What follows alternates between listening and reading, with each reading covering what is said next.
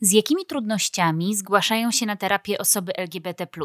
Na czym polega specyfika pracy psychoterapeuty, który współpracuje z osobami LGBT, i z jakimi najczęściej problemami przychodzą osoby z tej społeczności? Jakie uprawnienia powinien mieć właściwy psychoterapeuta, na co należy zwracać uwagę i co powinno być sygnałem ostrzegawczym, a także w jaki sposób my, sojusznicy i sojuszniczki osób LGBT, możemy wspierać ich także poza terapią. Na te i wiele innych pytań odpowiedzi udzielił Dominik Hack, specjalista pracujący klinicznie i naukowo w tematyce LGBT, założyciel Centrum Terapii Hack w Poznaniu. Ja nazywam się Joanna Gutral, jestem psycholożką i psychoterapeutką poznawczo-behawioralną, a to jest kolejny odcinek z cyklu ABC Psychoterapii Uniwersytetu SWPS. Zapraszam Was do wysłuchania tego odcinka. Słuchasz podcastu z cyklu ABC Psychoterapii, realizowanego w ramach strefy Psyche Uniwersytetu SWPS. Więcej merytorycznej wiedzy psychologicznej znajdziesz na psycheswps.pl oraz w kanałach naszego projektu na YouTube i Spotify. Zapraszamy.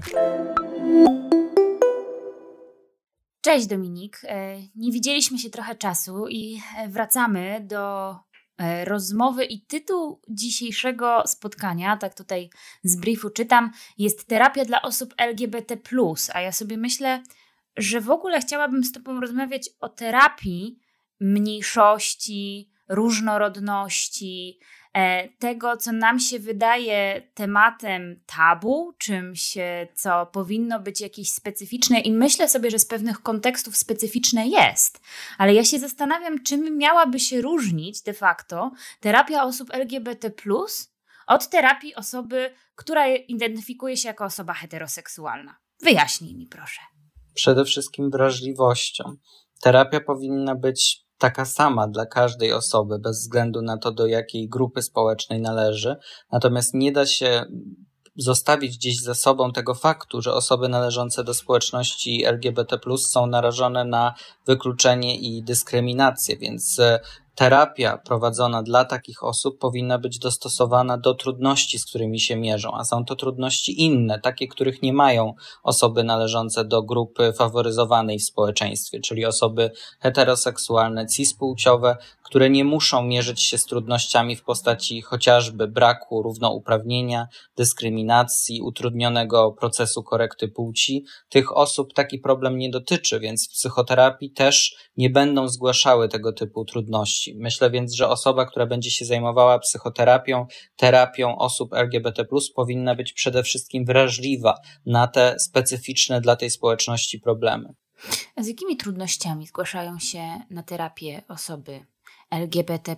Powiedziałeś, że jest to specyficzna e, grupa pewnych doświadczeń, które z, tymi, z którymi te osoby się zmagają. Czy to jest główny ich powód e, zgłoszenia? Jak to wygląda w praktyce? To, co wyróżnia osoby LGBT spośród innych pacjentów i pacjentek, to jest na przykład zagadnienie coming outu, czyli kwestii ujawnienia swojej tożsamości przed bliskimi osobami. Najczęściej to dotyczy rodziców, współpracowników, współpracownic, kolegów, koleżanek w szkole, nauczycieli, nauczycielek. E, kolejnym tego typu zagadnieniem jest na przykład stres mniejszościowy, czyli doświadczanie ciągłego uczucia zagrożenia związanego z tym, że żyję w społeczeństwie, które wyklucza takie osoby jak ja.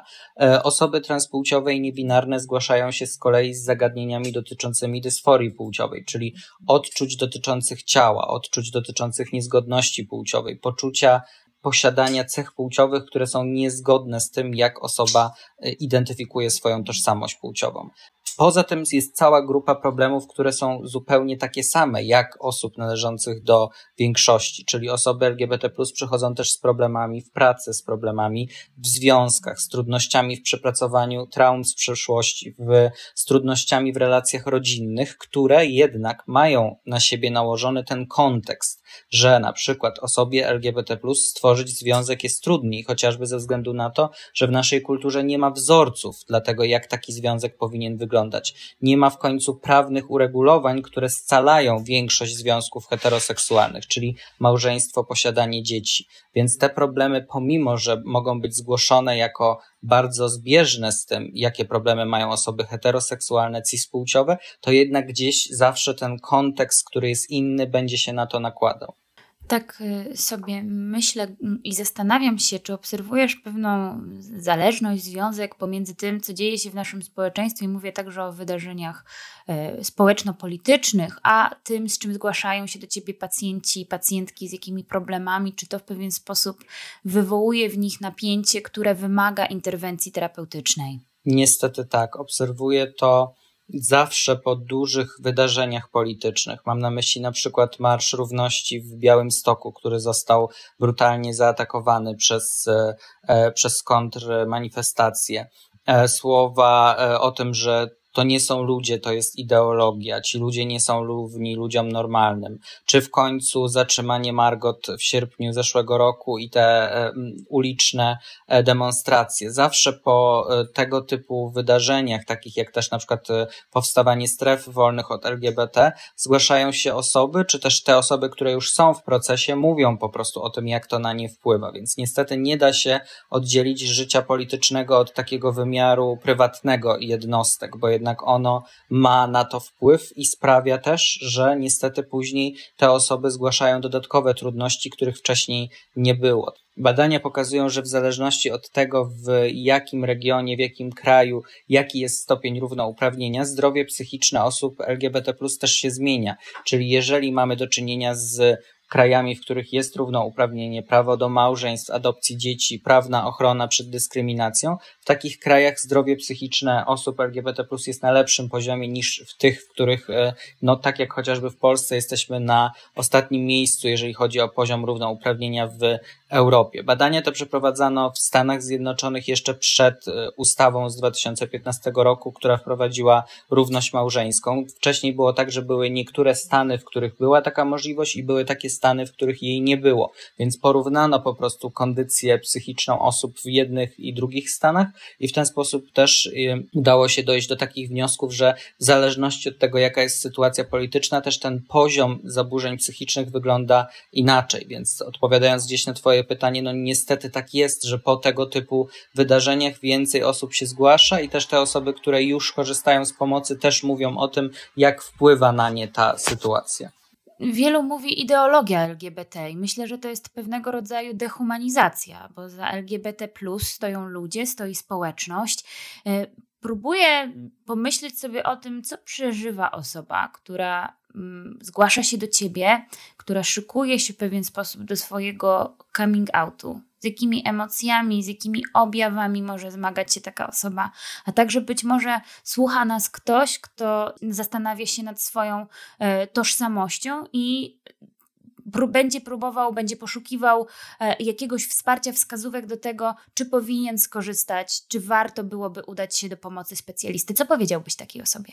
Mhm. Powiedziałbym takiej osobie, że na pewno warto jest zajrzeć w głąb siebie i zastanowić się nad tym, czy ten moment, w którym teraz jestem, jest dobrym momentem na to, żeby ujawnić swoją tożsamość. Wiadomo, że rozwój e, psychoseksualny przebiega tak, że zwieńczeniem jego na pewno będzie sytuacja, w której osoba ujawni się i będzie głośno mówić o tym, kim jest. Natomiast zdarzają się też pewnie takie sytuacje, chociażby mieszkanie z nieakceptującymi rodzicami, które nie sprzyjają temu, żeby tego coming outu dokonać. Więc rozmowa ze specjalistą, specjalistką jak najbardziej będzie dobrym rozwiązaniem, ale też z uwzględnieniem tego, jaki to będzie miało dalej wpływ. Ja często odbywam takie konsultacje rodzinne, gdzie rozmawiam z rodzicami na temat ich dziecka, które jest osobą LGBT.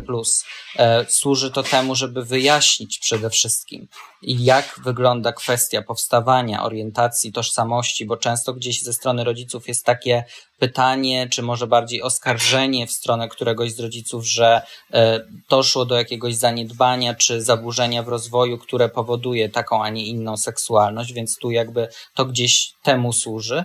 I myślę sobie, że e, na pewno warto jest rozmawiać ze specjalistą, specjalistką. Duży problem w Polsce jest taki, że osoba niepełnoletnia nie może skorzystać z pomocy psychologicznej czy seksuologicznej bez zgody rodzica, więc pewnie rodzic się zapyta, a dlaczego chcesz porozmawiać z psychologiem? Dlaczego chcesz spotkać się z seksuolożką, więc to nie jest wcale aż takie proste, jakby się mogło wydawać. Natomiast rozmawiać, odkrywać siebie, eksplorować na pewno warto. Kiedyś przeczytałam na jednym forum taką e, dyskusję o tym, e, czym e, powinien charakteryzować się psychoterapeuta pracujący z osobami LGBT, ale myślę, że oprócz charakterystyki samego terapeuty zastanawiam się, jakie powinien mieć uprawnienia, czy są specjalne szkolenia dotyczące tego, jak pracować z takimi osobami, gdzie tych osób szukać.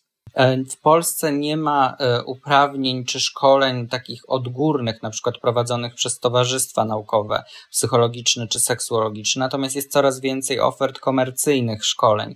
E, ja na przykład prowadzę takie szkolenia, inne osoby również. Szkolenia, które zmierzają do tego, żeby wykształcić wrażliwość na problemy osób LGBT, prócz przekazać po prostu wiedzę, której może brakować na studiach psychologicznych czy seksuologicznych, bo niestety nie ulega to wątpliwościom, że sama nauka jest bardzo hetero i cisnormatywna, więc wiedza, która jest przekazywana podczas studiów akademickich jest uboga w tematy dotyczące osób LGBT. Na rynku jest dostępnych coraz więcej książek poruszających te zagadnienia. W zeszłym roku wyszła na przykład książka Dysforia i niezgodność płciowa, która jest pierwszą publikacją na temat e, osób transpłciowych w języku polskim, taką profesjonalną profesjonalną, więc sytuacja się zmienia, natomiast nie ulega to wątpliwościom, że dalej osoba, która po prostu kończy studia psychologiczne czy seksuologiczne, no nie ma aż takiej wiedzy, żeby móc y, kierować swoje usługi typowo do osób LGBT, bo po prostu potrzebna jest do tego nie tylko specyficzna wiedza, ale też pewna postawa. Nazwałbym tę postawę afirmatywną, czyli postawa wspierająca, akceptująca, niewykluczająca, a wychowując się w takim społeczeństwie jak nasze, trudno jest mieć tę postawę tak po prostu, tylko raczej jest to coś, czego uczymy się. W jaki sposób terapia może pomóc, może wesprzeć osoby LGBT? Przede wszystkim może pomóc y, im w zmaganiu się z codziennymi trudnościami funkcjonowania w społeczeństwie takim jak nasze, w y, emancypacji i uwłasnowolnieniu, w odkryciu swojej autonomii, odkryciu czegoś wartościowego w swojej tożsamości, która przez społeczeństwo jest postrzegana jako zagrożenie i jako coś złego, grzesznego, natomiast tak naprawdę jest po prostu przejawem różnorodności. E, to pytanie jest bardzo y, otwarte, bo tak naprawdę to tak samo jakbyśmy zapytali, co może terapia dać osobie heteroseksualnej. E, ja wychodzę z takiego założenia, że psychoterapia to jest proces leczenia zaburzeń psychicznych i że korzystają z niego osoby, które zmagają się z trudnościami psychicznymi, więc jeżeli doświadczają lęków, depresji, zaburzeń e, e seksualnych czy jakichkolwiek innych, to jest to dobry moment na to, żeby skorzystać z, z takiej pomocy i osoba LGBT tak samo z takiej pomocy może skorzystać. E, myślę, że tutaj jakby gdzieś w tym wszystkim jeszcze jest taki wątek przepracowania różnych trudności e, z e, dzieciństwa, które w sytuacji dojrzewania, dorastania jako osoba LGBT też są inne, czyli na przykład chociażby doświadczenie atypowości płciowej, doświadczenie tego, że osoba taka w dzieciństwie wykazywała pewne cechy płciowe, które nie są stereotypowo męskie, stereotypowo kobiece, a więc od dzieciństwa w pewnym sensie była naznaczona przez rówieśników i rówieśnice jako ta dziwna, ten dziwny, więc tu tych trudności jest całkiem sporo, dotyczących też tego, jak rodzice na przykład reagowali na takie przejawy. Niezależnie, czy to jest osoba transpłciowa, niebinarna, homoseksualna, biseksualna, często gdzieś powtarza się taki wątek, że dziecko takie od e, najmłodszych lat czuło, że jest inne, a jeżeli tak się czuło, takie było, no to otoczenie też to zauważało i jakoś na to reagowało, więc takich wątków do pracy może być całkiem sporo. Słuchają nas bardzo różne osoby. Wiem, że mamy wierne grono słuchaczy i słuchaczek. I myślę sobie, rozmawialiśmy trochę o specjalistach, mówisz teraz o rodzicach, a ja myślę sobie o w ogóle takiej e, pierwszej koleżeńsko-towarzysko-społecznej pomocy psychologicznej. E, I w związku z tym, że żyjemy w hermetycznym społeczeństwie, o czym wspomniałeś, nie mamy tych zasobów do uelastyczniania, chociaż wielu i wiele z nas jest bardzo ciekawych, jak wspierać osoby LGBT. To w jaki sposób możemy o takie osoby zadbać, zatroszczyć się, okazać im nasze wsparcie, bo wiem, że wielu z nas ma taką obawę, być może powiem coś nie tak, być może zachowam się w jakiś sposób, który będzie nieodpowiedni dla tej osoby i chociaż intencje są dobre i szczere, czasami następuje takie powstrzymanie w trosce i w lęku o urażenie wartości czy samej osoby. Co możemy robić dla społeczności LGBT+. Słuchać jej, czyli słuchać głosów osób LGBT i tego, w jaki sposób chcą być traktowane i nazywane. Tutaj Myślę, że to, o czym powiedziałaś, czyli takie powstrzymanie się i niepowiedzenie czegoś, to jest bardzo cenne, bo tak samo jak e, jest cały czas dyskusja w Polsce na temat feminatywów, na temat używania adekwatnych określeń wobec osób ciemnoskórych. Tak samo wobec osób LGBT, również ważne jest to uwrażliwienie na język, żeby używać takich określeń, które są adekwatne, nie patologizujące, nie medykalizujące doświadczenie osób LGBT, ale też przede wszystkim takie, które będą afirmować, afirmatywne i wzmacniające tożsamość. Więc myślę, że jeżeli przychodzi nam do głowy zadać pytanie parze dwóch kobiet, która z Was jest facetem w związku i czujemy, że to pytanie jest nieadekwatne, no to warto się jednak zatrzymać i go nie zadać i zastanowić chwilę nad tym, skąd to pytanie wynika, niż popełnić tego typu gafę. E, są pewne bardzo proste zasady, na przykład nie pytamy osobę transpłciową o jej imię z dokumentów przed procesem korekty płci. Nie pytamy osobę transpłciową o to, jakie ma genitalia. Nie pytamy osobę homoseksualną o to, czy jest zakażona wirusem HIV. Nie zakładamy z góry niczego. Nie zakładamy, że jeżeli mamy kolegę, który jest homo czy biseksualny, to na pewno będzie chciał chodzić z nami na zakupy i do kosmetyczki, bo nie każdy mężczyzna homo-biseksualny jest taki sam. Więc ta wrażliwość na różnorodność i takie zatrzymanie się, zastanowienie się, czy słowo homoseksualizm jest adekwatne, biorąc pod uwagę jego końcówkę izm, która wskazuje jednak na jakieś medyczne podłoże, czy może nie lepiej byłoby mówić homoseksualność, czyli trochę bardziej afirmująco i unikając w ten sposób takiego medycznego backgroundu. Dominik, w mediach, w takim dyskursie panuje bardzo wiele szkodliwych e, przekonań, e, stereotypów, zniekształceń dotyczących e, osób będących członkami, członkiniami społeczności LGBT. Zastanawiam się, czy miałbyś taką gotowość i chęć do tego, aby parę tych mitów w sposób profesjonalny i pełny obalić, między innymi dlatego, żeby być taką przeciwwagą dla tych niesprawdzonych, niepotwierdzonych źródeł informacji, które wszemi wobec rozlewają się po internecie i nie tylko. Masz taką chęć i gotowość? Oczywiście. To może Asiu podawaj mi mit, a ja będę go dementował w naukowy sposób. Wiesz, na czym ta zabawa w pogromców e, mitów polega, więc e, ja ruszam z pierwszym e, mitem i czekam na obalenie. Homoseksualność to choroba lub parafilia.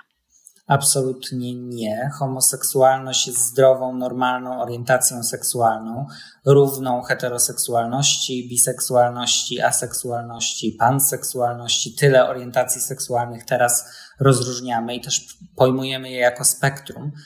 To pojęcie parafilii natomiast służy do nazwania zaburzenia preferencji seksualnych, czyli obszaru seksualności człowieka zupełnie innego niż orientacja seksualna, bo orientacja seksualna mówi o tym, jakiej tożsamości płciowej są osoby, które mnie pociągają.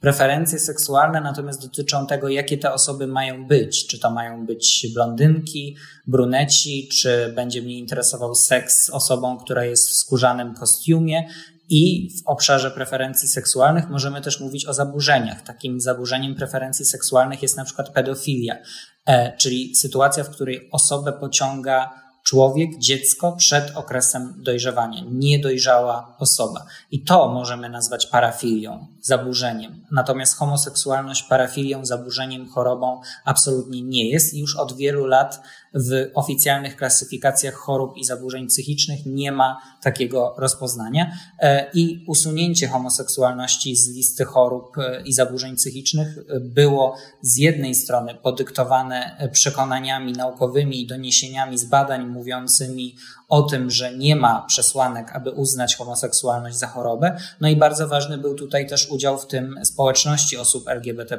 i aktywizmu. Tak samo jak teraz usunięto transpłciowość z listy chorób i zaburzeń psychicznych, również dzięki doniesieniom naukowym, braku przesłanek ku temu, żeby twierdzić, że transpłciowość sama w sobie jest problemem, ale też dzięki aktywizmowi osób transpłciowych i niebinarnych. No dobra, to myślę, że to bardzo pełne e, wyjaśnienie, chociaż dopytam, czy faktycznie było tak, że kiedyś homoseksualność była zaliczana jako choroba? Powiedziałeś o tym, że wyniki badań i aktywiści sprawili, że e, spojrzeliśmy na homoseksualność w zupełnie inny sposób, a ja się zastanawiam, jak to w ogóle jest, że homoseksualność kiedyś była traktowana jako choroba. Wszelkie przejawy różnorodności w ramach seksualności człowieka były i niestety nadal są traktowane jako zaburzenia. Poprzez te różnorodności mam na myśli coś o wiele szerszego niż społeczność LGBT, czyli bardziej społeczność GSRD, czyli Gender Sexual Relationship Diversities, czyli różnorodności płciowe, tożsamościowe, seksualne i relacyjne, czyli wszelkie zjawiska, które wymykają się z heteronormatywności, cisnormatywności, takie jak na przykład homoseksualność, transpłciowość, poliamoria, niemonogamia, seksualność BDSM, czyli z wykorzystaniem dominacji, uległości, te zjawiska są i były patologizowane. Zwróć uwagę, Asiu, że ty mówisz do mnie homoseksualność, ale jeszcze jakiś czas temu zwykło się mówić homoseksualizm i ta końcówka izm wskazywała właśnie na to medykalizujące podejście do tego zjawiska.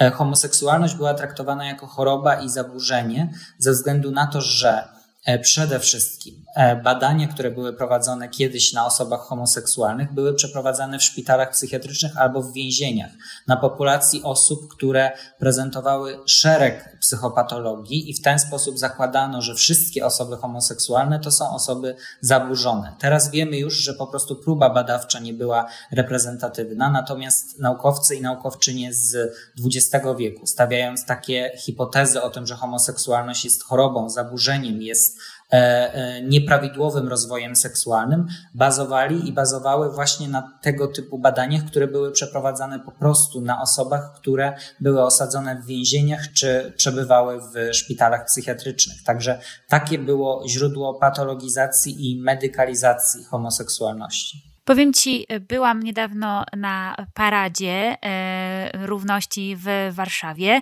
E, mimo tego, że było to, wiem, że Ty i Twój zespół stacjonujecie w Poznaniu, więc w momencie, w którym to nagrywamy, e, parada jeszcze przed Wami, ale pomyślałam sobie o tym, że w ogóle to było fantastyczne, jednoczące, zbliżające, sojuszniczo też ważne wydarzenie, chociaż przechodząc przez tę paradę usłyszałam takich dwóch starszych malkontentów, którzy tak patrzyli na tę paradę i powiedzieli, a kiedyś to tego wszystkiego nie było.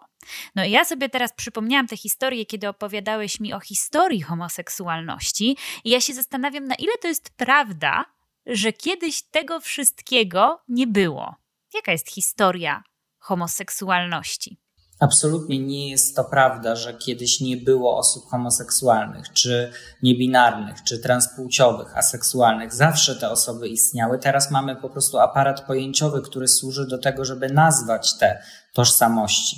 E, badania pokazują, że z roku na rok coraz więcej osób identyfikuje się jako LGBT, ale też zwróć uwagę na to, że identyfikuje. To nie jest tak, że nagle pojawia się więcej takich osób, bo osób takich jest w każdej społeczności mniej więcej tyle samo, niezależnie od tego, czy jesteśmy w Polsce, Holandii, w Czeczenii czy w Afganistanie. Wszędzie istnieją osoby niebinarne, transpłciowe, homoseksualne, biseksualne, niemonogamiczne. Wszędzie tego typu zjawiska się pojawiają, natomiast dopiero teraz teraz w kulturze zachodniej jest przyzwolenie na to, żeby osoby te były widoczne, więc ten pan, e, który mówił, że kiedyś tego nie było, ma rację, no bo w latach 60. nie było parad równości, natomiast osoby LGBT też wtedy istniały, będą istnieć, niezależnie od tego, jaki jest aktualnie system polityczny. System ten może wpływać na widoczność tych osób i na ich dostęp do równych praw, natomiast na samo występowanie nie ma absolutnie wpływu, bo powstawanie orientacji seksualnej czy tożsamości płciowej według obecnej wiedzy naukowej jest uwarunkowane głównie biologicznie, więc niezależnie od tego, jaka jest kultura dominująca, religia, osób LGBT jest tyle samo, będzie i było. To odeszłam na chwilę trochę od naszego obalania mitów. Pozwól, że wrócę, podaję Ci kolejny mit, y, Ty obalasz. Yy, homoseksualność zależy od wychowania. Absolutnie nie. Większość osób homoseksualnych, które żyją współcześnie, było wychowywanych w rodzinach różnopłciowych i w heteronormatywnym świecie, gdzie oglądamy od maleńkości bajki Disneya, gdzie jest książę i księżniczka, gdzie widzimy naszych rodziców, najczęściej mamę i tatę, gdzie dominującym w naszej kulturze wzorem funkcjonowania jest wzięcie ślubu z osobą przeciwnej płci i posiadanie z nią dzieci. Więc wychowanie nie ma żadnego wpływu na to, jaka będzie orientacja seksualna danej osoby, ma natomiast wpływ na to, na ile osoba będzie akceptowała swoją orientację i będzie skłonna ją ujawnić, na ile nie. Dzisiaj, w momencie nagrywania e, tego e, podcastu, mamy Dzień Ojca. Na Instagramie mojego centrum pojawił się wpis dotyczący tego, że możesz być ojcem, nawet jeśli jesteś osobą queerową. E, I przygotowując tego, tego posta, mieliśmy i miałyśmy okazję zobaczyć dane statystyczne mówiące o tym, jak niewiele ojców w Polsce akceptuje nieheteroseksualną orientację swoich dzieci. Więc może na to warto spojrzeć, że wychowanie ma wpływ na to, czy osoby w dorosłości będą homofobiczne, transfobiczne, czy nie, natomiast nie ma wpływu na to, jaka będzie orientacja seksualna dziecka. To trzeci i ostatni e, mit. Osoby homoseksualne są także poligamiczne. Mhm. Absolutnie nie. Nie ma związku między orientacją seksualną a tym, czy osoba jest niemonogamiczna, czy monogamiczna, to są odrębne zupełnie zjawiska. E, myślę, że po prostu osób LGBT jest mniej niż osób heteroseksualnych, dlatego trochę łatwiej jest wśród nich zobaczyć osoby, które żyją w otwartych związkach, czy tworzą poliamoryczne relacje, bo po prostu osoby te należąc już do jakiejś mniejszości, mają większą łatwość w tym, żeby powiedzieć, że są jeszcze bardziej różnorodne pod innym kątem. E, nie ma przesłanek ku temu, żeby twierdzić, że związki dwóch mężczyzn czy dwóch kobiet częściej są otwarte, niemonogamiczne niż związki różnopłciowe. To też jest mit. To przechodząc dalej, bo myślę sobie, że to ważne, nawet jeżeli komuś obalanie tych mitów wydawało się oczywiste, to wciąż mamy jeszcze grunt, który powinien usłyszeć e, sprostowania do tych fałszywych informacji, które krążą e, po, po internecie i nie tylko. E, ale pomyślałam sobie, że fajnie, gdybyśmy porozmawiali o wsparciu. Teoretycznie temat przewodni naszego spotkania to terapia osób LGBT, ale ja sobie myślę, że nie ma terapii bez takich przyjacielskich interwencji psychologicznych, sieci wsparcia, budowania zasobów sojuszu, budowania takich zasobów rezylientnych. I zastanawiam się, jak my możemy wspierać osoby LGBT, już abstrahując od tego, czy one są w terapii, czy nie, w jaki sposób możemy okazywać im nasze wsparcie, naszą gotowość do tego, aby to wsparcie dawać i jakie wsparcie jest najbardziej potrzebne tej społeczności? Przede wszystkim dawać przestrzeń i słuchać osób LGBT, słuchać tego, jak chcą być nazywane, jakiej reprezentacji potrzebują, nie zabierać im głosu, nie mówić za nie, za nich, tylko dawać platformę do tego, żeby mogły się wypowiedzieć. Język tutaj jest niezwykle ważny, to jest myślę temat na zupełnie odrębny podcast, ale poza językiem kwestia bezwarunkowej akceptacji i niewątpienia. Czyli jeżeli osoba nam się ujawnia, to po prostu to przyjmujemy. Jeżeli osoba mówi, że od teraz używa innych zaimków, to my się też na to przestawiamy. Jeżeli osoby biseksualne mówią, że czują się niewidziane i że nie ma dla nich miejsca, to znaczy, że jest to ważne i powinniśmy, powinnyśmy się na tym skupić, a nie ze swojej perspektywy osoby uprzywilejowanej na przykład mówić o tym, że nie, naszym zdaniem jest widoczność pełna i w ogóle te osoby nie mają problemów. Mówię tutaj o sojusznictwie, które polega na tym, żeby dawać przestrzeń, wsparcie i akceptację, pamiętając jednocześnie o swoim przywileju, jeżeli jest się osobą heteroseksualną, cispłciową. E, wsparcie psychologiczne, seksuologiczne, psychoterapeutyczne to jest jedno, ale myślę, że osoby, które E, zajmują się szeroko pojętym aktywizmem, czy też e, blogowaniem, prowadzeniem Instagramów zajmujących się tematyką około psychologiczną, że bardzo ważne jest, żeby właśnie gdzieś odwoływać się do takiego bycia LGBT friendly po prostu. Zauważyłem ostatnio, że coraz więcej osób daje w nawiasie swoje zaimki, na przykład ona jej, on jego, pomimo tego, że są osobami cispłciowymi, w ten sposób dając przykład i pokazując, że są osoby transpłciowe, niebinarne, których zaimki mogą być zupełnie alternatywne od tego, co my zakładamy, patrząc na te osoby. Więc jest to bardzo ważny przykład sojusznictwa i coś bardzo otwartego i inkluzywnego, za czym myślę, że warto byłoby podążać. To chciałabym jeszcze tę tematykę wsparcia poruszyć trochę od strony rodziny, osoby, która ujawnia się jako y, część społeczności LGBT. Myślę sobie, że pokolenie naszych dziadków i rodziców miało mniejszy i zdecydowanie bardziej ograniczony dostęp do wiedzy, którą my dysponujemy na ten moment. E, I te reakcje mogą być różne, ale też przeżycia, które się dzieją w osobie która powinna być tym źródłem wsparcia, albo nawet bardzo chce być tym źródłem wsparcia, mogą być trudne i nie zawsze możemy wiedzieć, w jaki sposób mamy wspierać, jak możemy pomóc y, sobie lepiej zrozumieć, co się dzieje, e, gdzie poszukiwać informacji na ten temat. Gdybyś miał stworzyć takie źródło, wiem, że rada to nie jest najlepsze słowo, ale jakiś tipów, e, wskazówek, gdzie mogę się udać, gdzie mogę o tym poczytać, e, gdzie e, mogę zasięgnąć jakiejś konsultacji lub pomocy, czy mogę zgłosić się na przykład do psychologa, psycholożki, seksuologa, seksuolożki z takim zapytaniem: Moja córka, syn ujawnili się jako gej, lesbijka, chcę być przy nim, ale boję się, że nie będę potrafiła tego zrobić. Gdzie mogę szukać wsparcia? Myślę, że przede wszystkim wśród innych rodziców osób LGBT. To, co ja obserwuję od trzech lat y, na przykładzie swojego gabinetu, to jest to, że bardzo wiele rodziców organizuje się wspólnie, nie tylko w wielkich miastach jak Poznań, Warszawa, Wrocław, ale też w mniejszych miejscowościach, po to, żeby dawać sobie wsparcie i zrozumienie.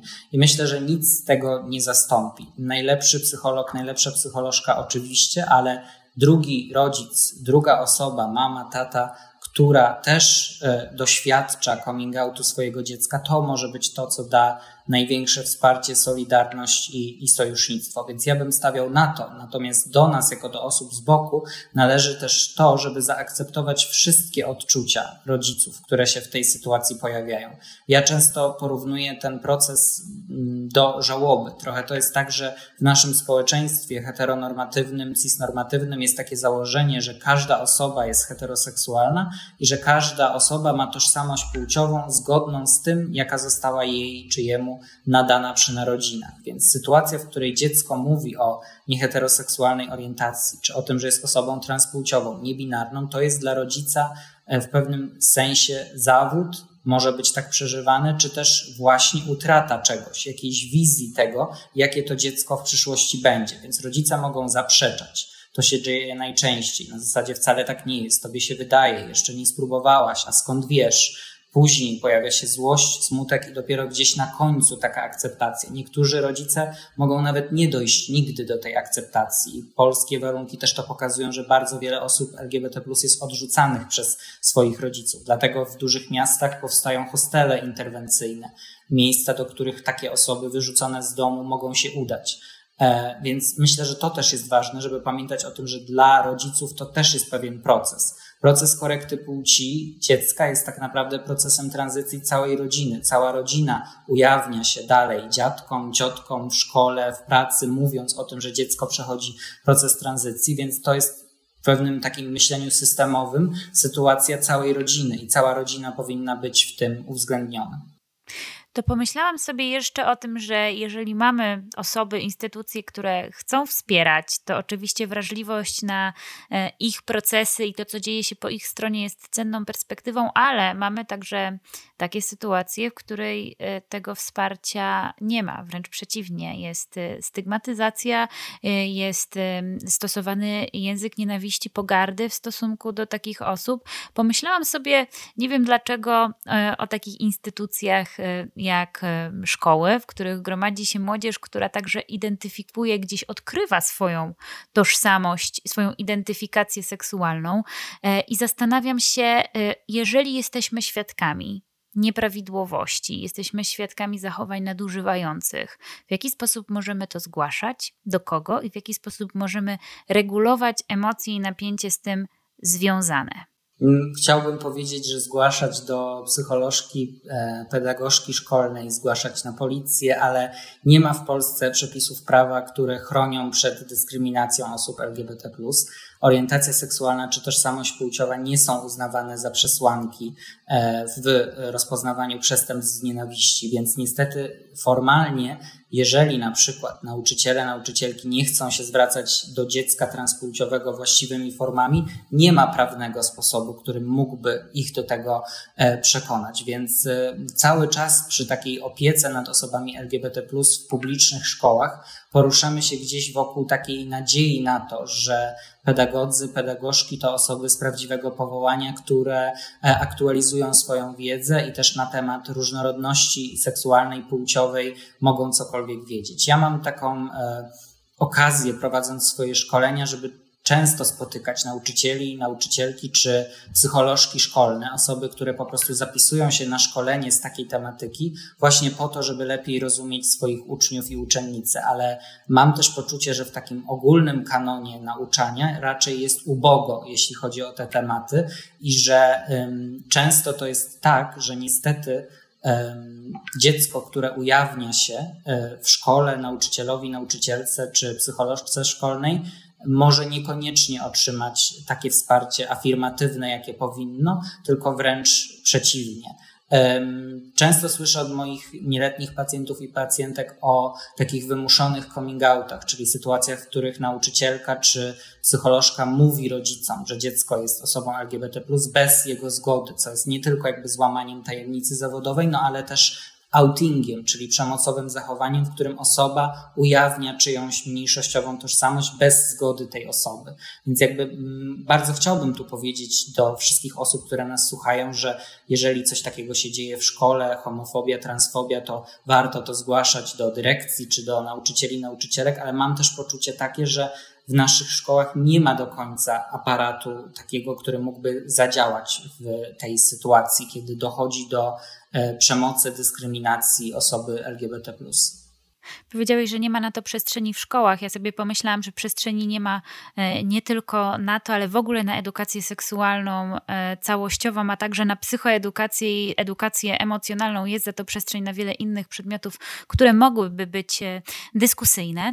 Natomiast myślę sobie o tym, że nawet jeżeli nie mam ośrodka, narzędzia, organu, do którego mogę zgłosić e, tego typu e, zachowania, a jestem jego świadkiem i widzę cierpienie, nawet jeśli ono nie dotyczy mnie, to może być to cierpienie mojej koleżanki, kolegi, przyjaciela, przyjaciółki, w jaki sposób ja mogę regulować swoje napięcie związane z tym doświadczeniem, a jednocześnie, będąc tak naprawdę samodzielnie na placu boju wsparcia, okazywać to wsparcie osobie, która doświadcza zachowań homofobicznych czy transfobicznych? Bardzo trudne pytanie. Nie ma na nie prostej odpowiedzi.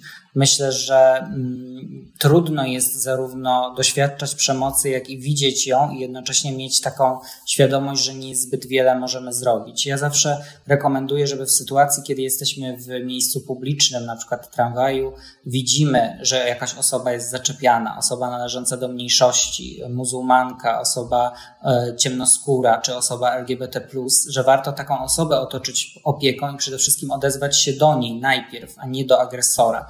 Powiedzieć, że jesteśmy z nią, wspieramy, solidaryzujemy się, zapytać się, jak się czuje, czy potrzebuje pomocy, czy zadzwonić na policję, e, ale zawsze w takiej sytuacji pamiętając też o swoim bezpieczeństwie, czyli o tym, że ten agresor może też zwrócić się przeciwko nam w takiej sytuacji. E, I jakby e, to jest niezwykle ważne, żeby zapewnić bezpieczeństwo przede wszystkim sobie, później też tej tej osobie. E, często gdzieś w relacjach osób, nie tylko LGBT, ale też właśnie muzułmanek, osób ciemnoskórych, słyszę o tym, że w komunikacji publicznej na przykład nie ma reakcji ze strony reszty osób, że e, reszta pasażerów, pasażerek nie reaguje, odwraca się, nie widzi tego rasizmu, islamofobii czy właśnie homofobii, a to jest niezwykle ważne, żeby taka osoba pamiętała o tym, że nie jest sama, że nie ma zgody na to zachowanie e, pomimo, że wyobrażam sobie, że nam samym może być też ciężko i możemy się bardzo bać sprzeciwić czemuś, co jest po prostu systemową opresją i takim z góry e, właściwie przykazanym traktowaniem osób, które są inne czy należą do mniejszości.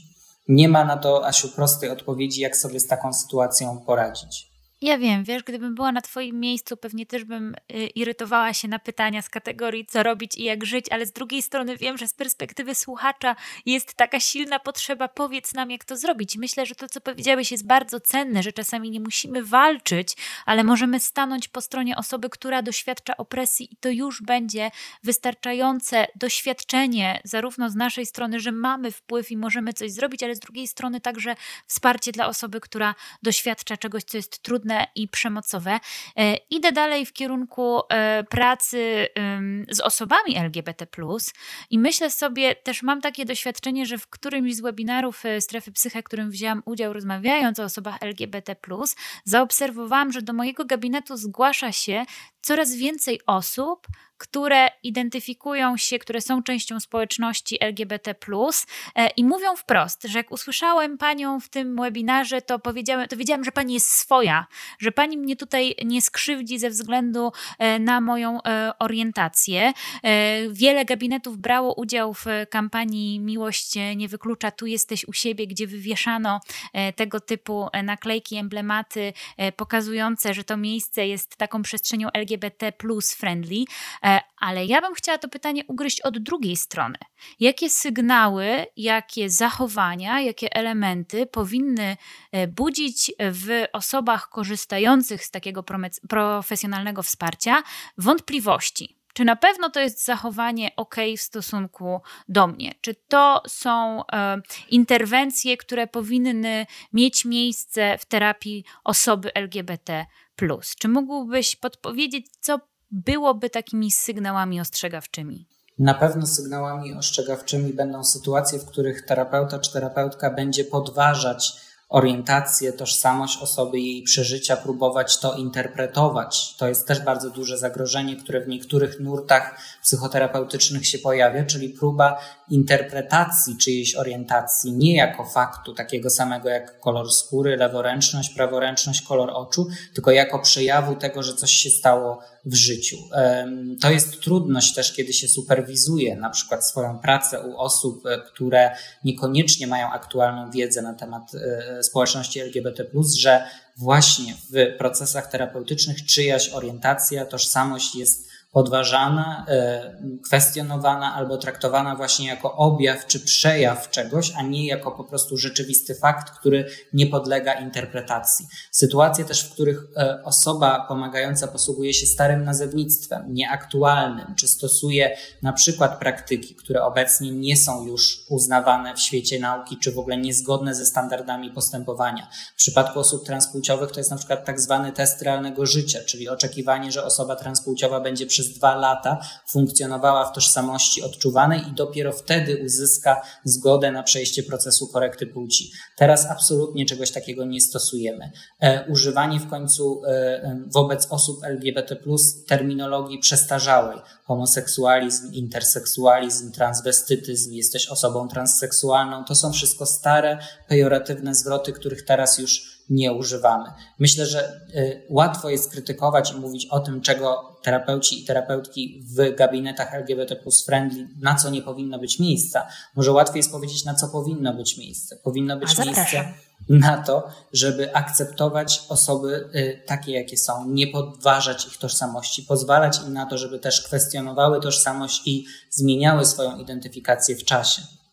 Czyli osoba, która przyszła do nas dwa lata temu, mówiąc, że jest osobą homoseksualną, nagle wchodzi w związek z osobą przeciwnej płci, alternatywnej płci, to jest to jakaś ważna informacja dla tej osoby i możemy razem z nią przechodzić ten kryzys tożsamości, odkrywanie tego, czy jestem osobą biseksualną, czy panseksualną, pamiętając o tym, że to przede wszystkim ta osoba ma prawo do tego, żeby siebie określić końcu e, często jakby uczy się nas w szkołach psychoterapii tego, żeby być przezroczystymi, neutralnymi, nie wnikać, ale myślę, że w psychoterapii osób należących do mniejszości ważne jest też to, żeby pokazywać to wsparcie grupowe, czyli nie ma w tym niczego nagannego. Jeżeli terapeutka, słysząc o coming outie dziecka swojej pacjentki, zasugeruje na przykład, że proszę pani, nie wiem czy pani wie, ale w naszym mieście jest grupa wsparcia dla rodziców osób transpłciowych Nie ma w końcu w tym nic nagannego, żeby w procesie z młodym mężczyzną, który odkrywa swoją orientację homoseksualną na przykład i chce poznać drugiego mężczyznę, żeby zacząć z nim rozmawiać na temat aplikacji randkowych, że jakby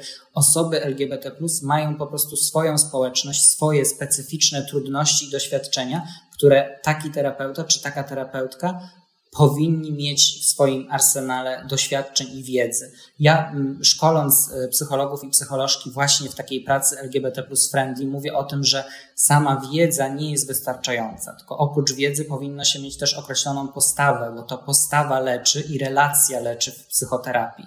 Więc tak jak sama powiedziałaś, osoby przychodzą i mówią, że jesteś swoja, bo wiedzą, że w Twoim gabinecie mogą opowiedzieć o swoich problemach i ich orientacja nie będzie czymś, co sprawi problem. Ja często y, mam taką, y, mam takie doświadczenie, że trafiają do mnie osoby po przeżyciach u innych psychologów czy psycholożek i najczęściej na samym początku mówią, że w poprzednim procesie spotkały się czy spotkali z kryzysem w momencie, kiedy doszło do ujawnienia nieheteroseksualnej orientacji czy transpłciowości. Z kryzysem, który polegał na tym, że osoba pomagająca po prostu nie wiedziała, jak się tym tematem zająć i na przykład odrzucała, mówiła, że kończy proces, bo nie wie, albo wręcz zachowywała się przemocowo, czy próbowała e, zmieniać e, tożsamość tej osoby. Więc jakby gdzieś bazując na tych złych przykładach i słuchając tych dobrych praktyk, myślę, że w słuchaczach i słuchaczkach może się tworzy jakaś taka wizja tego, co to znaczy mieć tę afirmatywną postawę. To na sam koniec e, ostatnie pytanie, które przyszło mi do głowy jako taka gorąca myśl, bo powiedziałeś o języku, że to też jest e, taka e, część, być może na inną rozmowę, ale być może ją jakoś tutaj chociaż odrobinę zaczniemy i będziemy mieli e, okazję dokończyć, być może przy innej okazji. Język kształtuje rzeczywistość. Język jest bardzo istotny w obszarze e, też pracy z osobami LGBT. I ja, to będzie taka moja też osobista refleksja. Ja się ciągle boję, że ja czegoś przeoczyłam i czegoś nie przeczytałam. To znaczy, też te zmiany językowe są na tyle dynamiczne w tym obszarze, że ciągle mam takie poczucie, a czy ja na pewno zaktualizowałam swoją wiedzę wystarczająco bardzo i czy jestem e, na bieżąco i czy nikogo nie skrzywdzę, nawet w taki sposób nieświadomy e, swoim językiem językiem. E, ja się zastanawiam, w jaki sposób możemy pytać o to, nie tylko jako terapeuci, ale w ogóle jako osoby, e, o poprawność tego języka, bo wydaje mi się, że osoby e, LGBT też mogą być cennym źródłem wiedzy i edukacji dla tych osób, które chcą wspierać i chcą być sojusznikami, a czasami wcale nie mają tej złej woli, ale być może niewystarczające umiejętności czy niewystarczająco aktualną wiedzę, mimo szczerych chęci. Jak możemy się komunikować, żeby się dogadać, jednocześnie nie budzić, nie rodzić między sobą dystansu, pełnego lęku o to, czy ja mówię, czy nie mówię dobrze, a w życzliwości i empatii wzajemnie uczyć się tego, co jest nam nawzajem potrzebne? Oczywiście. Odpowiedź jest taka, że warto pytać. Błędy popełniamy wszyscy i wszystkie. Ja również. E, osoby LGBT również popełniają je wobec siebie. Natomiast to, co jest najważniejsze, to żeby pytać. Pytać na przykład, jak mam się do ciebie zwracać, jakich używasz zaimków. Osoba mówi, jestem osobą interpłciową. To zamiast wymyśleć i domyślać się, co to znaczy, jeśli nie wiemy, warto się zapytać, a co to znaczy, e, co to słowo oznacza. E, zamiast też krytykować osoby, które na przykład użyją homoseksualizm zamiast homoseksualność, co wywołuje burzę, fale krytyki, warto jest jednak edukować, na przykład mówić o źródłosłowie o tym, skąd pochodzi to określenie, dlaczego już go nie używamy, dlaczego to jest ważne dla tych osób, żeby mówić o korekcie płci, a nie zmianie płci. Ja prowadząc szkolenia czy y, udzielając wywiadów, jak osoba zwróci się źle, użyje właśnie na przykład zmiany płci czy określenia transseksualizm zamiast transpłciowość, tłumaczę i wyjaśniam zamiast ganić i oburzać się i twierdzić, że ta osoba jest od razu transfobiczna czy homofobiczna, bo wcale może nie taka była intencja tej osoby, tylko po prostu czegoś nie wiedziała. Natomiast już celowe używanie niewłaściwych zaimków czy pejoratywnych określeń jest przejawem dyskryminacji. Nie powinno być na to miejsca w przestrzeni publicznej, w psychoterapii, ani nawet w strefie prywatnej.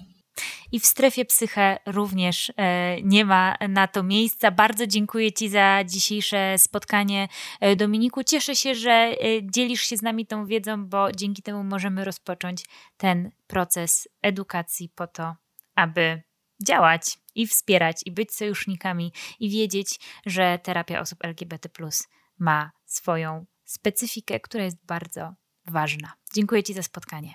Dziękuję. A wszystkim słuchaczom i słuchaczkom dziękuję za to, że byli z nami do końca dzisiejszego odcinka.